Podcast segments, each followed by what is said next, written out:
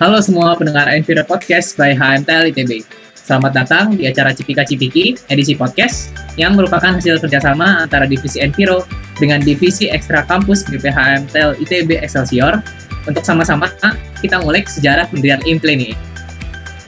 Nah, sebelum kita masuk terkait bahasannya, perkenalkan terlebih dahulu nih.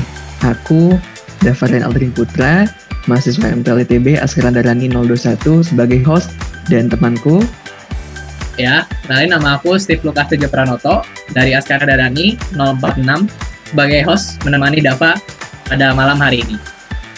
Nah, jadi podcast kali ini adalah salah satu program pendampingan Impli yang merupakan program kerja dari Divisi Ekstra Kampus HMTL ITB yang tujuannya untuk memberikan pendampingan kepada masa HMTL ITB yang aktif menjadi badan pengurus di Impli agar bisa berkontribusi optimal. Pendampingan dilaksanakan melalui kegiatan sharing dan komunikasi yang berkala. Salah satu output dari pendampingan IMPLI ini uh, harapannya masa bisa meningkat nih uh, minatnya untuk bergabung di IMPLI. Nah, tapi sebelum lebih jauh, sebenarnya IMPLI itu apa sih, Tep? Oke, mungkin kita cari tahu lebih dahulu ya. IMPLI itu apa sih ya?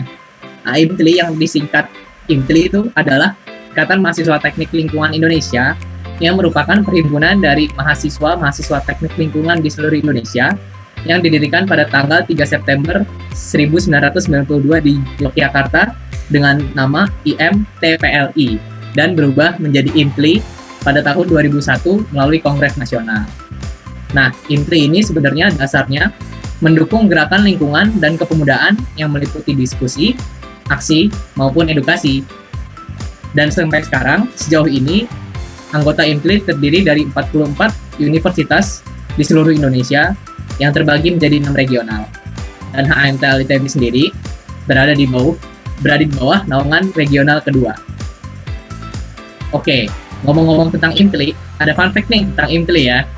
Ya kan, ada fun fact gitu kan. Nah, katanya dulu diprakarsai oleh dua narasumber mahasiswa teknik lingkungan ITB angkatan 93 Oke, mungkin kita bisa kenalan lebih lanjut kali ya sama Pak Riza dan Pak Haryo. Mungkin dipersilahkan kepada Pak Riza memperkenalkan diri terlebih dahulu. Uh, baik, terima kasih uh, adik-adik ya, saya panggil adik-adik ya karena kalau anak-anak nanti saya jadi tua, teman-teman jadi terlalu muda. Iya. uh, saya Rizal Pasianus, ITB Teknik Lingkungan Angkatan 93 Eh, dari MTPLI sendiri, seingat saya ya, saya itu ketua nomor dua atau ketua kedua setelah uh, ketua pertama yang dari Yogyakarta, setahu saya. Nah, mungkin itu uh, perkenalan pendek saya perlu ada yang lain kah informasinya? Mungkin cukup segitu dulu Pak, nanti kita kenalan lebih lanjut sama Bapak. Oke, terima kasih Pak Riza atas informasinya mungkin bisa lanjut ke narasumber kedua kita yaitu Pak Haryo yang merupakan dosen di TLITB juga ini. Dipersilahkan kepada Pak Haryo. Halo semuanya. Halo Pak. Adik-adik. Nah, HMTL ya, masih semangat nih. ya, saya Haryo, uh, ITB 93 juga ya. Uh, satu angkatan dengan Pak Riza, uh, Mas Riza sebenarnya begitu ya.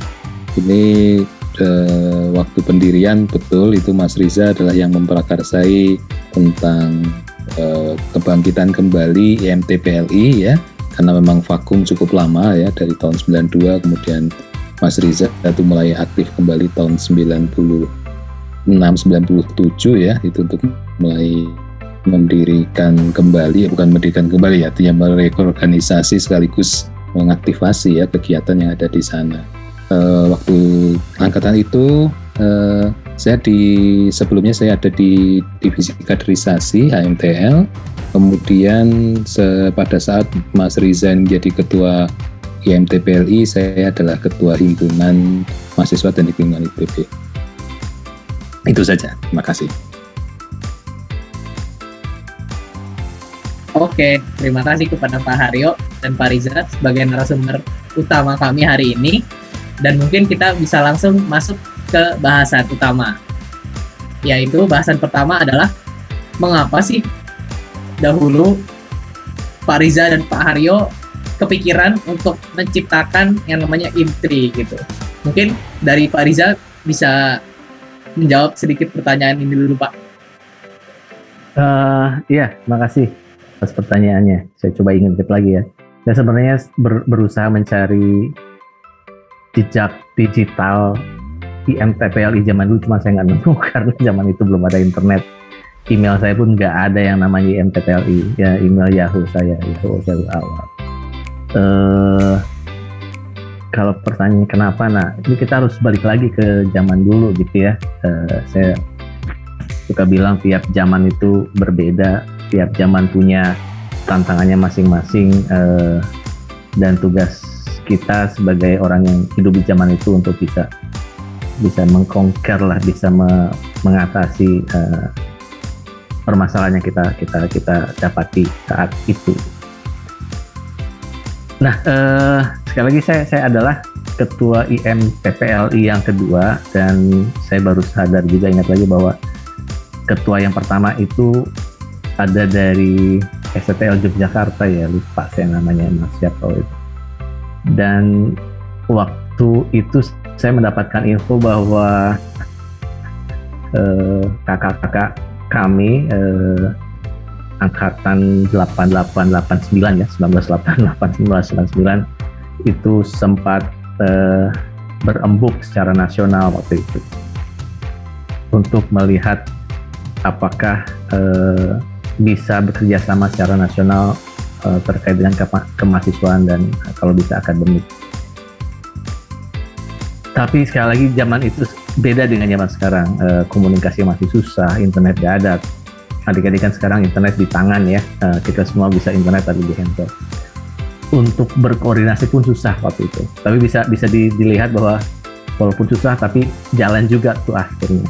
Semua komunikasi dilakukan either via telepon atau via pos nggak uh, ada yang namanya email. Mereka ber, ber, bergabung menjadi satu ikatan karena merasa merasa butuh uh, selain juga apa namanya uh, dari segi keilmuan da, perlu diingat juga bahwa zaman itu pergerakan mahasiswa dari segi politik masih cukup kencang. Jadi uh, sering waktu itu diskusi yang muncul adalah bagaimana mahasiswa bisa berkontribusi atau peran mahasiswa dalam menghadapi perubahan kancah politik yang waktu itu di akan akan di dialami dalam waktu dekat. Karena eh, mahasiswa men, mencium gelagat melihat Bapak Presiden sudah cukup senior dan eh, dimungkinkan akan turun dalam waktu dekat apa yang akan terjadi adalah semacam chaos kan ya uh, atau uh, turun tidak mulus. Diskusi itu pun ada di IMTPLI. Jadi uh, walaupun namanya IMTPLI, tapi ada, tetap ada beberapa orang yang yang ingin atau mencoba atau mengajak uh, kita untuk membahas itu juga di di di dalam IMTPLI waktu itu. Jadi itu selain keilmuan, uh, kita juga uh, mahasiswa sebagai agent of change kan ya uh, ingin bisa berkontribusi uh, di, di berbagai hal sebenarnya. Uh, tapi tadi kata Pak Haryo karena sepertinya karena koordinasi sulit waktu itu uh, kegiatan itu ada setahu saya tapi hanya di beberapa di di di, di universitas-universitas di institut uh, yang di Jogja ngumpul di Jogja, yang di Bandung pun ngumpul di, Bandung. Tapi secara nasional memang uh, tidak uh, ada kegiatan yang yang cukup besar waktu itu. Sehingga uh, saya ingat akhirnya dibangkitkan lagi uh, uh, masa kepengurusan ini uh,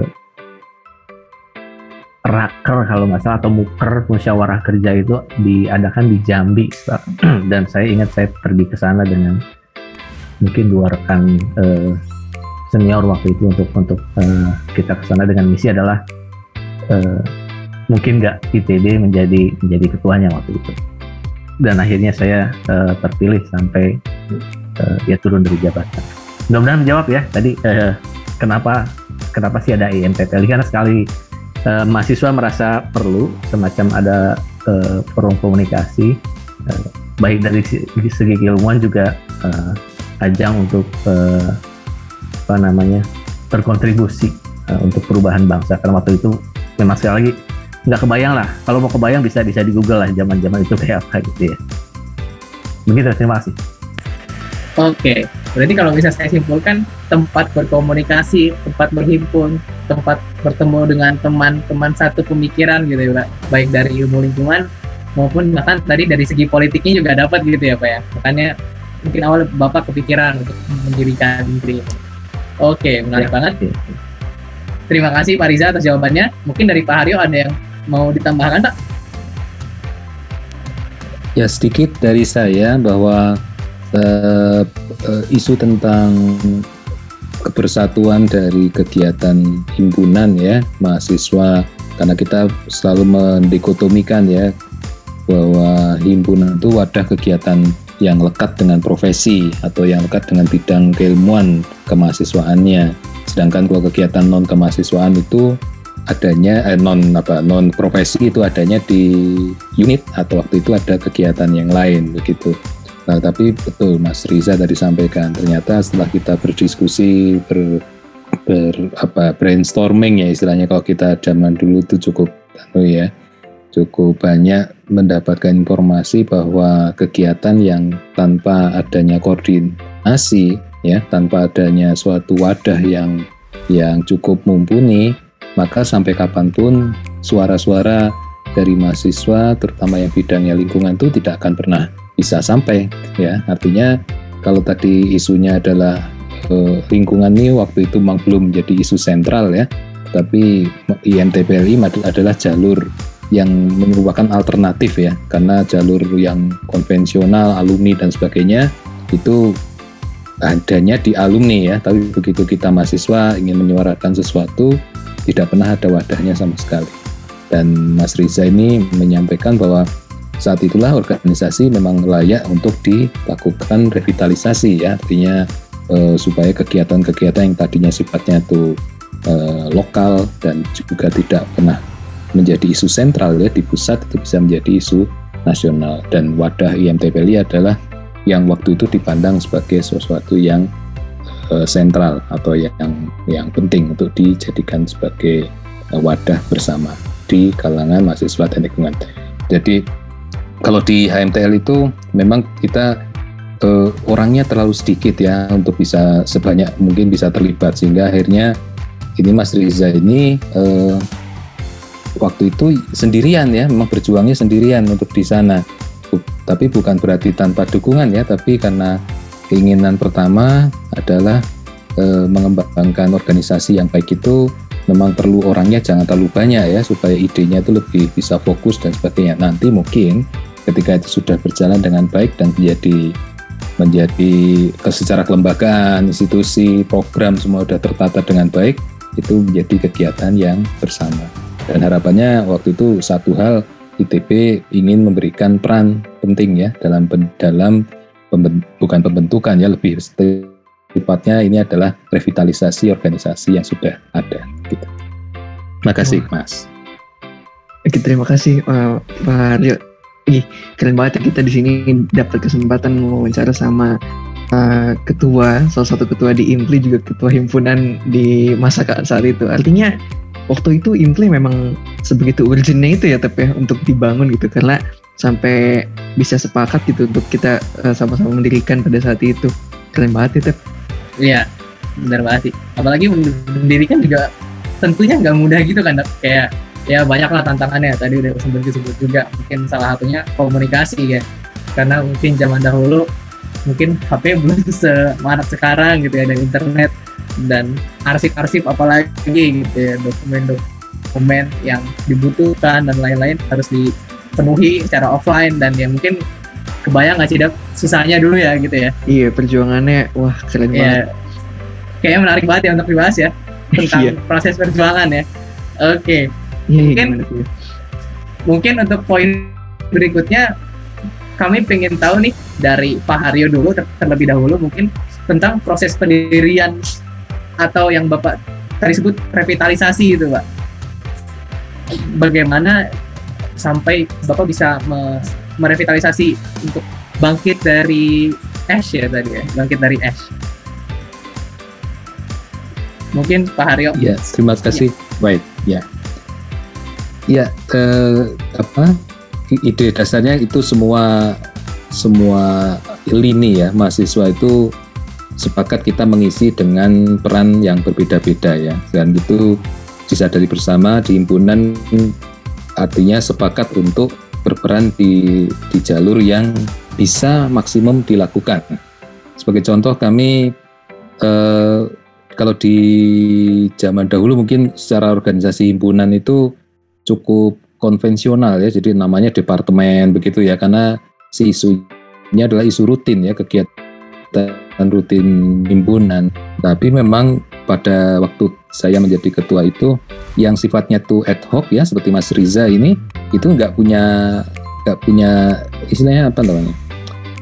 Nggak, awalnya nggak ada tuh di program awal pun nggak ada itu dan tapi kita kita bersama melihat itu isu yang sangat penting ya karena siapa lagi yang akan menyuarakan mahasiswa di tingkat nasional ya untuk HM himpunan mahasiswa teknik lingkungan ya. E, semua yang jurusannya teknik lingkungan begitu. Tidak ada akhirnya waktu itu ad hoc sifatnya dan ad hoc itu e, membatasi kita untuk tidak menjadi isu yang organisasi sehingga bentuknya adalah e, voluntary. Dan Mas Riza ini memang cukup luar biasa ya karena dari si voluntary cukup besar kontribusinya untuk mendirikan uh, kembali ya setelah kami merevitalisasi itu secara nasional itu menjadi suatu organisasi yang lebih besar. Nah di himpunan eh, hampir sama ya kegiatan-kegiatan yang bentuknya seperti itu tuh kita nilai adalah yang perlu memiliki eh, keleluasaan dalam bergerak maka kita tidak masukkan ke departemen. Justru isunya tidak ke departemen ya. Tapi bentuknya dulu kita namakan divisi ya. Dulu divisi itu adalah semacam ad hoc ad hoc di dalam kepengurusan yang melaksanakan kegiatan non rutin nah, termasuk di antaranya adalah IMTPLI kemudian waktu itu ada kegiatan workshop kemudian ada kegiatan kuliah lapangan begitu ya. Kemudian ada kegiatan lomba karya ilmiah mahasiswa LKIM gitu dan satu lagi adalah terkait dengan Enviro. Enviro Enviro itu waktu itu adalah tentang seminar ya. Jadi kita itu selalu menjalankan seminar Enviro yang skalanya nasional.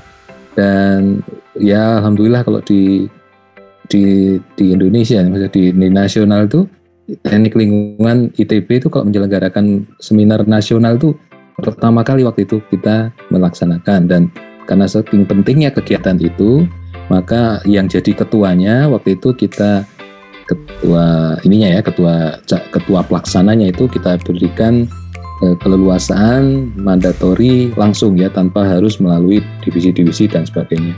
Jadi kita pangkas semua birokrasi untuk kegiatan yang ada di di dalam HMTL pengurusnya dan harapan itu menjadi lebih lebih lincah lah begitu ya. Dan ini Mas Riza adalah solo di awal tuh sendirian beliau memang ya.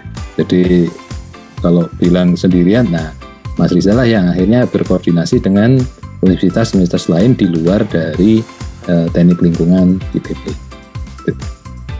Itu Mas Steve mungkin yang bisa sampaikan.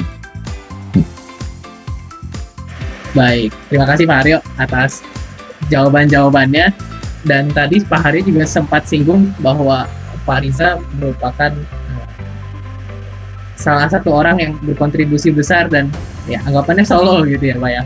Dan mungkin kita mau sedikit dengar dari Pak Riza dulu proses sampai ingin mencetuskan menjadi ketua yang tadi katanya perlu perwakilan ke Jambi juga. Ya itu mungkin bisa diceritakan sedikit Pak prosesnya terkait momen-momen tersebut. Uh, ya, makasih. Jadi uh, saya ingat di HMTL itu kita diskusi mengenai mungkin bisa dibilang kekosongan kekuasaan gitu ya atau kevakuman di MTPLI waktu itu uh, dan mungkin ada sekitar 5-6 orang kita diskusi oke okay, gimana caranya uh, kita bisa dalam tanda kutip ambil tampuk kepemimpinan ini untuk kita kita kita hidupkan kembali yang tadi kata Pak Haryo bilang uh, revitalisasi. Setelah diskusi ini itu uh, permasalahannya sekarang siapa yang mau jadi ketua gitu loh. Uh, kita bicara dengan senior waktu itu 92, 89 umumnya ya, uh, sama uh, 88 semua itu senior saya kan dan kayaknya mereka sudah sibuk dengan dengan apa namanya dengan persiapan mau tugas akhir. Akhirnya ya udahlah uh, saya volunteer saya ditunjuk ya dan saya volunteer juga waktu itu. Oke okay, uh, eh, coba kita ini kan hmm, uh, saya untuk di, di, dimajukan menjadi salah satu calon uh, ketua uh, itu persiapan di Bandung. Dan kemudian saya ingat kita pergi ke ke Jambi ya ya itu setahu saya di Jambi atau di Jakarta ya? Sorry saya lupa. Ada dua. Uh, rasanya di di Jambi betul di Jambi di waktu itu kita pergi. Uh, ketemu pertama kali dengan rekan-rekan dari seluruh Indonesia. Jadi yang benar tadi yang kata Pak Hari bahwa saya sebenarnya sendirian cuman bukan berarti saya tidak ngobrol gitu ya, tapi justru saya diskusi dengan teman-teman dari lingkungan yang lain dari universitas-universitas uh, yang beda dengan ITB lah. Dan itu sesuatu yang saya baru sadar ternyata ada TL di luar ITB dan uh, mereka fokusnya beda-beda gitu ya. Uh, ada dari Jambi Batanghari, ada USMI, uh, Satya Negara Indonesia, ada STTL, kemudian ada udah lupa ada, belasan sih enggak 44 kayak sekarang hanya belasan rasanya. ITS pun waktu itu belum gabung ya nah, saya nggak tahu sekarang. Dengan uh, kenapa saya juga nggak tahu. Uh, jadi itu musyawarah kerja uh, kita membicarakan ya seperti biasa lah melihat anggaran ADART diskusi apakah ada perubahan kemudian diakhiri dengan uh, pemilihan ketua ketua yang baru. Saya lupa itu waktu itu berapa calonnya, paling nggak mungkin dua atau tiga lah, dan kita diminta untuk uh, kampanye sebenarnya di sana. Kebetulan dari Bandung itu hanya ada, ya selain saya ada dua orang lagi senior. Kita mencoba melobi lah uh, di universitas lain untuk bisa mendukung ITB menjadi ketua uh, untuk periode selanjutnya. Dari sini ke apa namanya ke capabilities kita dalam hal lobby-lobby itu di, di dibutuhkan gitu ya somehow karena memang kita harus bisa meyakinkan uh, anggota untuk, uh, untuk bisa memiliki.